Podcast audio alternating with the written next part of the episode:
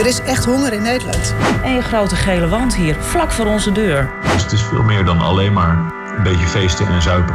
Het nieuws en de verhalen uit Groningen. Dit is Groningen deze week. Welkom en uh, leuk dat je luistert. Dit is uh, de allereerste aflevering van Groningen deze week. De allereerste podcast van, uh, van Oog. En ook gelijk de allereerste echte Groningse podcast. Vanaf deze week vind je Groningen deze week iedere week op vrijdag in je podcast-app. Als het goed is zijn we overal toegelaten. Spotify, Apple Podcast, Google, Pocketcast... Mocht er nog een podcast-app zijn waarin we niet te vinden zijn, laat even weten. Dan, dan gaan, we dat, gaan we dat fixen. En wat kun je eigenlijk eh, verwachten van deze podcast? Nou, eigenlijk is de bedoeling dat als je zo meteen klaar bent met luisteren... dat je helemaal bijgepraat bent over eh, wat er speelt eh, in Groningen. Hoop te bespreken ook, deze eerste aflevering. de voedselbank in Groningen, die heeft je hulp nodig. Bewoners van de Rode Weeshuisstraat die zitten met een groot probleem. Die kunnen niet meer naar buiten kijken namelijk. Daar zometeen meer over. En de gemeente GroenLinks wil gratis mondkapjes uitdelen in Groningen. Eerst gaan we het hebben over eh, de Groningse horeca. Ze hebben het eh, zwaar natuurlijk in deze coronatijd. Zeker met eh, de nieuwe maatregelen. En daarom spreek ik nachtburgemeester Merlijn Polman. Dat doe ik niet face-to-face, maar helemaal corona-proof via een digitale verbinding. Ja, altijd voor dit soort dingen natuurlijk. Ja, hartstikke fijn. We gaan het zo meteen natuurlijk hebben over de Groningse horeca. Ze hebben het zwaar tijdens de coronacrisis en zeker na de, de nieuwe maatregelen. Maar je bent natuurlijk nachtburgemeester. Ik denk dat een hoop mensen wel eens van de titel nachtburgemeester hebben gehoord. Maar eh, wat doe je nou precies? Ik zeg altijd dat een nachtburgemeester een beetje een schakel is uh, tussen drie werelden. En dat is de wereld uh, van de ambtenaren en beleidsbepalers. En de wereld van de horeca-ondernemers. En de wereld van uh, de party people. Dus um, ja, dat zijn namelijk drie werelden waarin de mensen alle drie een beetje een andere taal spreken en met andere dingen bezig zijn. Maar ze hebben elkaar alle drie ook wel nodig, want we zijn natuurlijk allemaal onderdeel van de samenleving. En het is een beetje mijn taak om ze elkaar iets beter te laten begrijpen en hun belangen van de een naar de ander uh, te vertellen waarom ze zo handelen zoals ze doen. En aangezien ik zelf uh, jarenlang ook wel met ambtenaren en gemeenten heb samengewerkt aan allerlei cultuurprojecten, maar ook een nachtclub zelf heb gerund en opgestart voor zeven jaar. En gewoon van een geur feestje houden, denk ik wel dat ik zeg maar tussen die dingen een beetje in zit. Ja, want je zit nu in je tweede termijn, toch? als nachtburgemeester. Twee jaar doe je nu al? Hoe, ja, eh, precies. Ik ben uh, eh, 28 september begonnen aan mijn tweede termijn. dat is natuurlijk best een beetje raar in uh, coronatijd. Maar uh, ja, daarom belangrijker dan ooit om weer te zorgen dat er wat perspectief komt voor ons nachtleven. Ja, want deze functie bestaat eigenlijk sinds Chris Garrett. Die was de eerste, geloof ik, hè? Ja, die was de eerste die, die het officieel werd. Vroeger had je natuurlijk uh, meneer Terrasstoel, die gewoon overal een borreltje kan doen en daarom de nachtburgemeester was. Maar uh, ja. Chris heeft het die zin echt op de kaart gezet. Is het echt een fulltime functie dit? Um, ja, ik ben er eigenlijk. Ik, tenminste, ik zeg altijd zo: ik ben het gewoon 24-7. En uh, kijk, natuurlijk is het in deze coronatijden wat, wat minder spannend dan soms. Maar des te spannender, omdat ik gewoon met een heel wereldwijd netwerk aan nachtburgemeesters, clubcouncils en politici die uh, liefde hebben voor de nacht. Of uh, ondernemers die gewoon net even een stapje meer doen dan alleen hun eigen onderneming. Maar ook uh, andere ondernemers verzamelen om die lobby voor de nacht te doen. Er zijn heel veel contact met elkaar. En ehm, ja, dus ik heb natuurlijk ook gewoon mijn eigen bedrijf van te krijgen als vergoeding 1000 euro per jaar. Dus oh. in die zin is het niet. dat is heel symbolisch. Kan ik er niet fulltime. ja, dat is vrij symbolisch. En we waren net in gesprek, eigenlijk net voor corona voor hoe we dit uh, serieuzer zouden kunnen financieren vanuit de gemeente ook. Want het is wel belangrijk dat het een onafhankelijke functie blijft. Alleen, ja, je doet ook veel dingen samen. Maar je moet natuurlijk ook gewoon tegen beleid van de gemeente kunnen zijn. Want ja, soms gaat dat gewoon tegen elkaar in. Maar dus, ja, toen kwam corona en toen was het natuurlijk niet meer echt meer een prio. Nee, dat, dat, ja, dat zou bij jou ook wel. Ja, iedereen heeft natuurlijk last van corona. Maar eigenlijk, uh, ja, jouw baan draait eigenlijk om het nachtleven natuurlijk in Groningen. Nou, sinds maart is er eigenlijk geen nachtleven meer. Dus, dus hoe vul jij je dagen nu uh, een beetje? Uh, nou, ik heb het heel druk met mijn bedrijven. En die zijn ook wel weer veel gelieerd aan evenementen en muziek. Maar ja, uh, dat loopt allemaal wel door in die zin. Alleen, uh, we hebben met de nachtraad wel veel werkgroepjes. En we hebben uh, gewoon overleg om te kijken hoe, constant met die strijd van hoe kunnen we ervoor zorgen dat er gewoon perspectief blijft voor onze sector. Dat het nachtleven niet instort. Dus daar hebben we heel veel werk aan. om de politiek ervan te overtuigen dat ehm, het laten overleven van horecaondernemers in deze tijd echt een prioriteit is. En dat ze dat te weinig doen. Dus dat is uh, het grootste gedeelte waar onze tijd naartoe gaat nu. Je hebt, je hebt al vaker uh, laten weten dat je het er zwaar mee oneens bent dat, uh, dat de horeca dicht moet. Dat is ook wel logisch natuurlijk. Je bent nachtburgemeester, je, je komt op voor die mensen. Maar heb je er helemaal geen begrip voor? Ik denk van, je kunt best die horeca dicht doen. Als je werkelijk... maar ik was dus pas ehm, ging ik op zondag even iets bij Westerhaven halen. En dan zag ik tot om de hoek, alsof het de Berghain was, een rij voor de Primark. En ik denk van, nou, moet de horeca dicht? Want dat is zogenaamd niet veilig en de Primark mag wel. Ik denk van, dat is gewoon echt meten met twee maten. Ik denk, gooi dan het helemaal dicht en compenseer die ondernemers. Of laat ze gewoon hun ding doen. Maar nu wordt de horeca de hele tijd als eerste gepakt. En wordt er verder geen perspectief geboden. Dus... Uh, en ik denk inderdaad niet dat, uh, dat het handig is om de hele horeca dicht te gooien. Omdat mensen elkaar toch wel blijven zien. En dat dan nu inderdaad in, op plekken doen waar ze ook een stuk minder traceerbaar zijn. De horeca moesten mensen tenminste nog hun contactgegevens afgeven. En uh, weet je, als er een besmetting is geweest, nou, wie daar nog meer waren. En thuis of in de supermarkt, nou, dan weet niemand dat. Ja. Toch zien we wel, uh, ik, ik heb even de cijfers erbij gepakt. Als je kijkt naar de, de eerste golf en de tweede golf. In die eerste golf ging de omzet met 85% omlaag.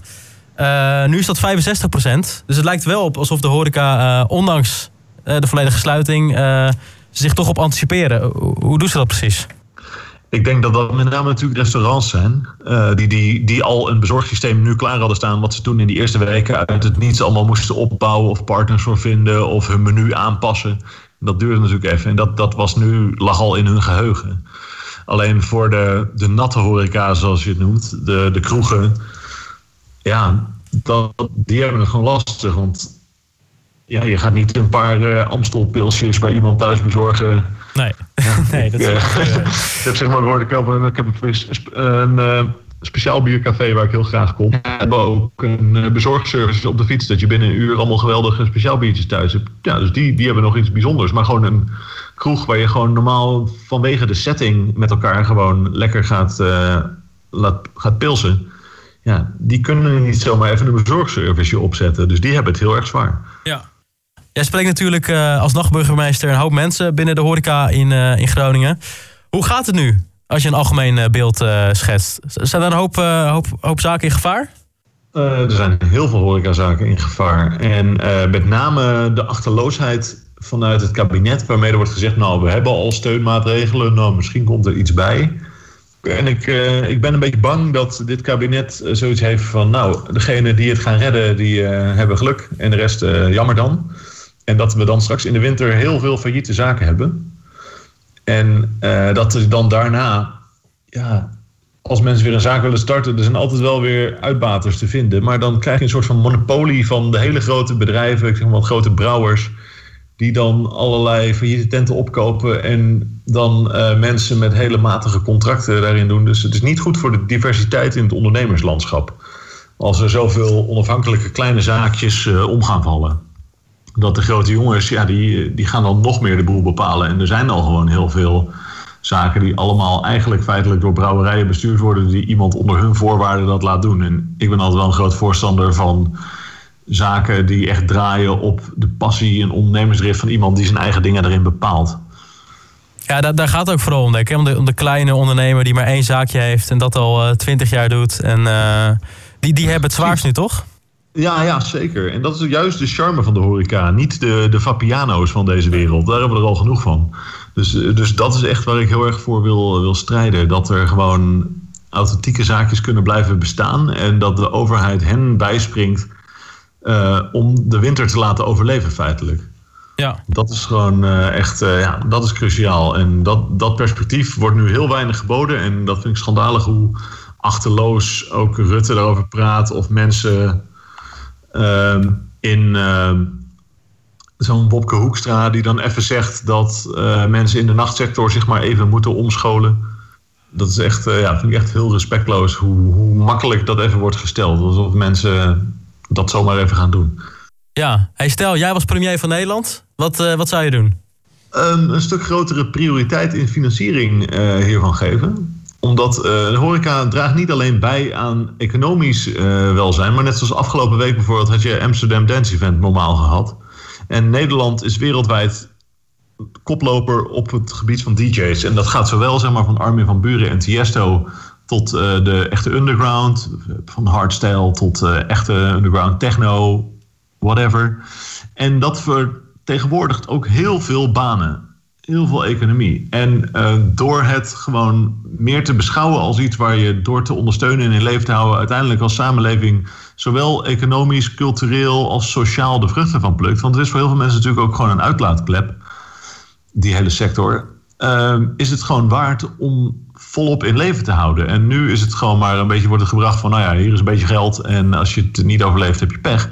Terwijl in andere landen daar wordt er gewoon alles op alles gezet om ervoor te zorgen dat die cultuursector en die nachtsector blijft bestaan. Oostenrijk is dat heel goed geregeld. In Parijs kregen nachtclubs 15.000 euro per maand max om te overleven. 15, 85% van het personeel doorbetaald. Omdat daar gewoon, en dat is dan de uh, regionale overheid, het gewoon heel erg belangrijk vindt dat die cultuur behouden blijft. En in Nederland heeft Nederland zoveel te danken gehad aan die cultuur. En wordt hij nu gewoon eigenlijk bij het grof vuil gezet. En zeker de nachtsector krijgt bijna niks. Ja. Dus het is gewoon een kwestie van prioriteiten. Maar ja, je weet natuurlijk, Grapperhaus uh, is bijvoorbeeld iemand die altijd meteen de nacht en festivals alleen maar met drugs associeert. En hij is op een ultieme anti-drugsmissie. Dus die man vindt het uh, prachtig dat deze sector kapot gaat. Want die wil het liefst iedereen gewoon thuis zit. Of ergens, uh, ja, ik weet het niet wat die man wil. Maar het is gewoon geen prioriteit voor ze. Terwijl het zo'n belangrijke sector is. En uh, zoveel mensen ook uh, die zich nergens helemaal op hun plek voelen. In de nacht juist soms de familie vinden die ze in het dagelijks leven overdag of bij een echt familie niet hebben. Dus het is veel meer dan alleen maar een beetje feesten en zuipen. Denk je dan vooral aan een financiële impuls? Moet er meer geld beschikbaar komen voor deze sector? Want er gaat natuurlijk al, ja. al echt miljarden wordt er, uh, wordt er besteed. Er wordt ook al gezegd van ja, de komende 40 jaar zijn we bezig met, uh, met het opruimen van deze crisis financieel uh, gezien. Of, of zou er meer gekeken moeten worden in in, in maatregelen van ja, wat, wat kan wel? En, heb je daar ook voorbeelden van? Ja, dat ook. Uh, maar bovenal is het ook gewoon een feit dat uh, de huren van uh, plekken in de binnenstad, zeker in de horeca, gewoon helemaal nergens op slaan. En dat dat vaak kartels zijn van gigantische holdings die alleen maar speculeren met die panden, ze niet eens gaan verkopen. En net zoals de overheid op den duur in bepaalde steden heeft opgetreden dat Airbnb's Ehm, niet meer nou, een bepaald percentage mochten vertegenwoordigen. Denk ik ook dat het goed is dat de overheid een keer gaat kijken naar al die kunstmatig hoge huren. Omdat dat gewoon helemaal niet gezond is voor de kleine ondernemer om überhaupt te kunnen ondernemen. En dat spreek ik ook uit eigen ervaring toen ik mijn horecazaak had. Maar in general, zeg maar, uh, moet daar structureel iets aan veranderen. Want als je nu, stel je gaat nu al die zaken ondersteunen. En al dat geld gaat eigenlijk alleen maar naar die huurbazen en er verandert nog steeds niks. Ja, dan weet ik niet of het echt zoveel zin heeft om, uh, om alles te redden. Als het daarna het uitzicht toch niet echt uh, veel beter is. Dus ik denk dat dat iets is. En daar kan ik natuurlijk niet heel veel verandering in brengen. Maar waar de overheid echt naar moet gaan kijken dat, dat die sector op de schop gaat. Want dat kan gewoon niet zo verder. En zo krijg je namelijk dat er alleen maar gespeculeerd wordt met panden. Dat je leegstand houdt. Of dat er gewoon veel te veel betaald wordt voor dingen die daarna weer heel snel omvallen. Er is gewoon een heel ongezond huurklimaat. En dat kan alleen maar door hele grote bedrijven nog gedekt worden. En dan krijg je dus bedrijven, of krijg je alleen maar brouwerijen die daar weer gewoon uniforme concepten in gaan zetten. En verlies je alle authenticiteit uit het centrum met name. Ja.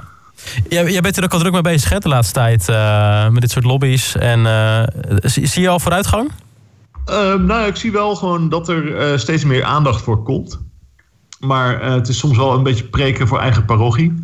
Uh, dus het wordt wel gewoon ook in uh, kwaliteitsmedia wel meer opgepikt. was afgelopen week een goed artikel in Trouw bijvoorbeeld over de precaire positie van nachtclubs. Met een ook Oost hadden ze hier uit onze stad geïnterviewd. En de jongens van het magazijn uit Den Haag. En dat mensen steeds wat meer gaan inzien van hé, hey, maar dit is ook belangrijk.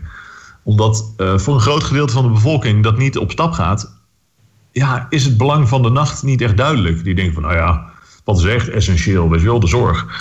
Maar um, voor een functionerende samenleving is uh, die uitlaatklep voor mensen wel degelijk. Uh, en het elkaar gewoon kunnen zien. En ook gewoon voor je, voor je werk. Uh, dat je even informeel met iemand een biertje drinkt. Waar je misschien daarna wel een hele leuke klus uithaalt.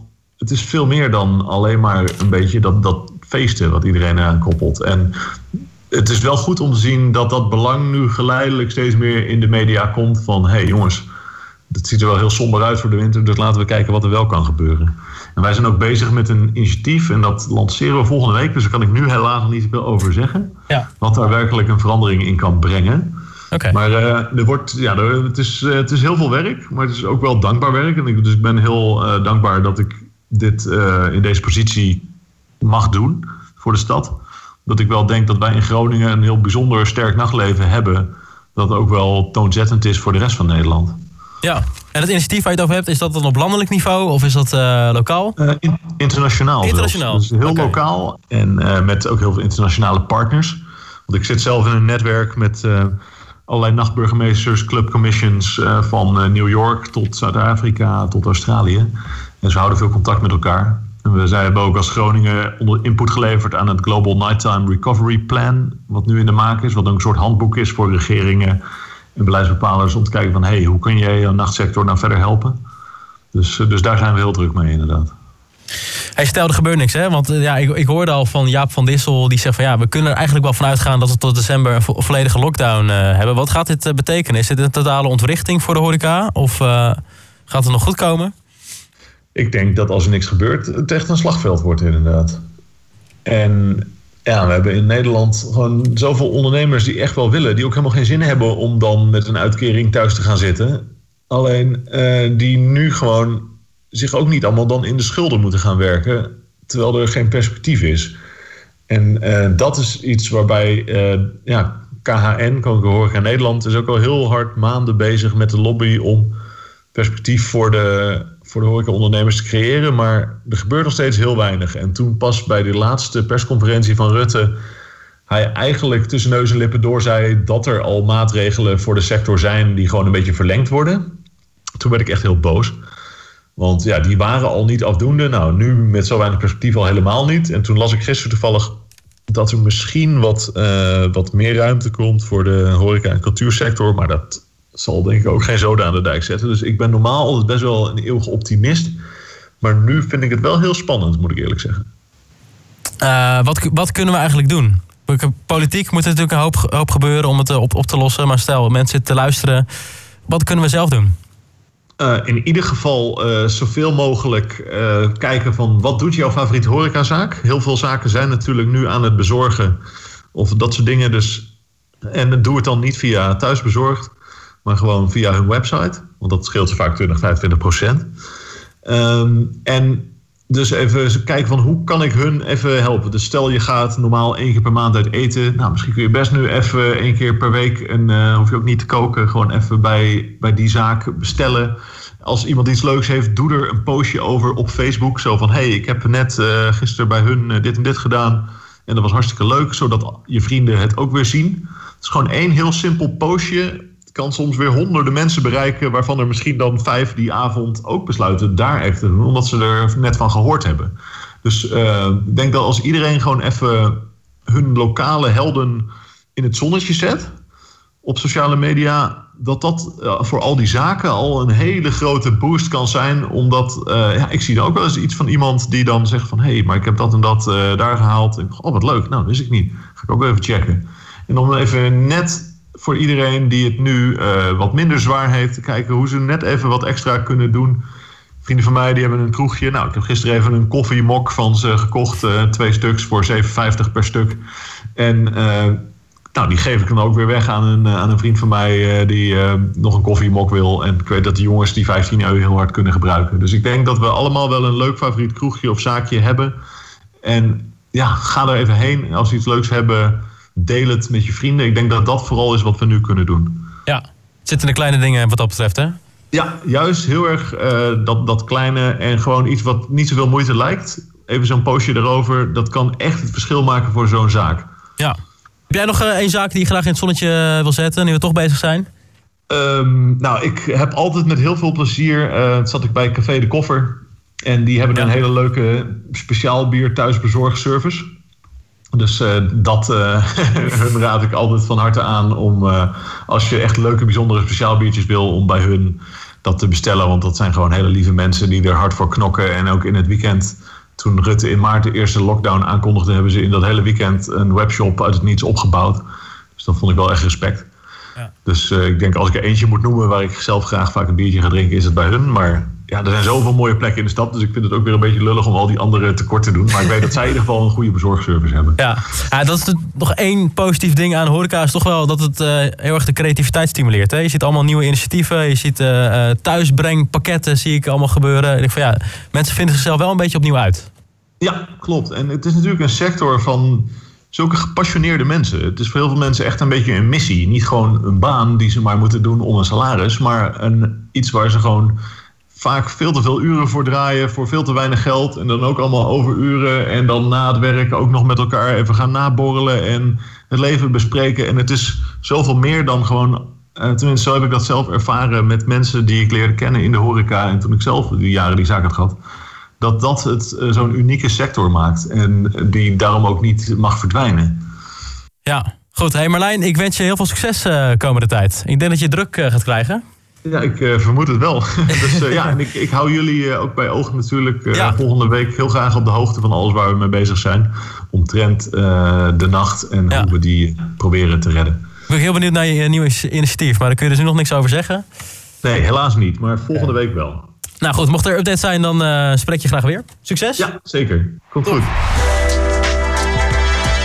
En dit uh, gebeurt er nog meer deze week uh, in Groningen. Ja, voedselbanken die merken vaak als eerste als er meer mensen in de financiële problemen komen. Zo ook uh, de voedselbank in Groningen.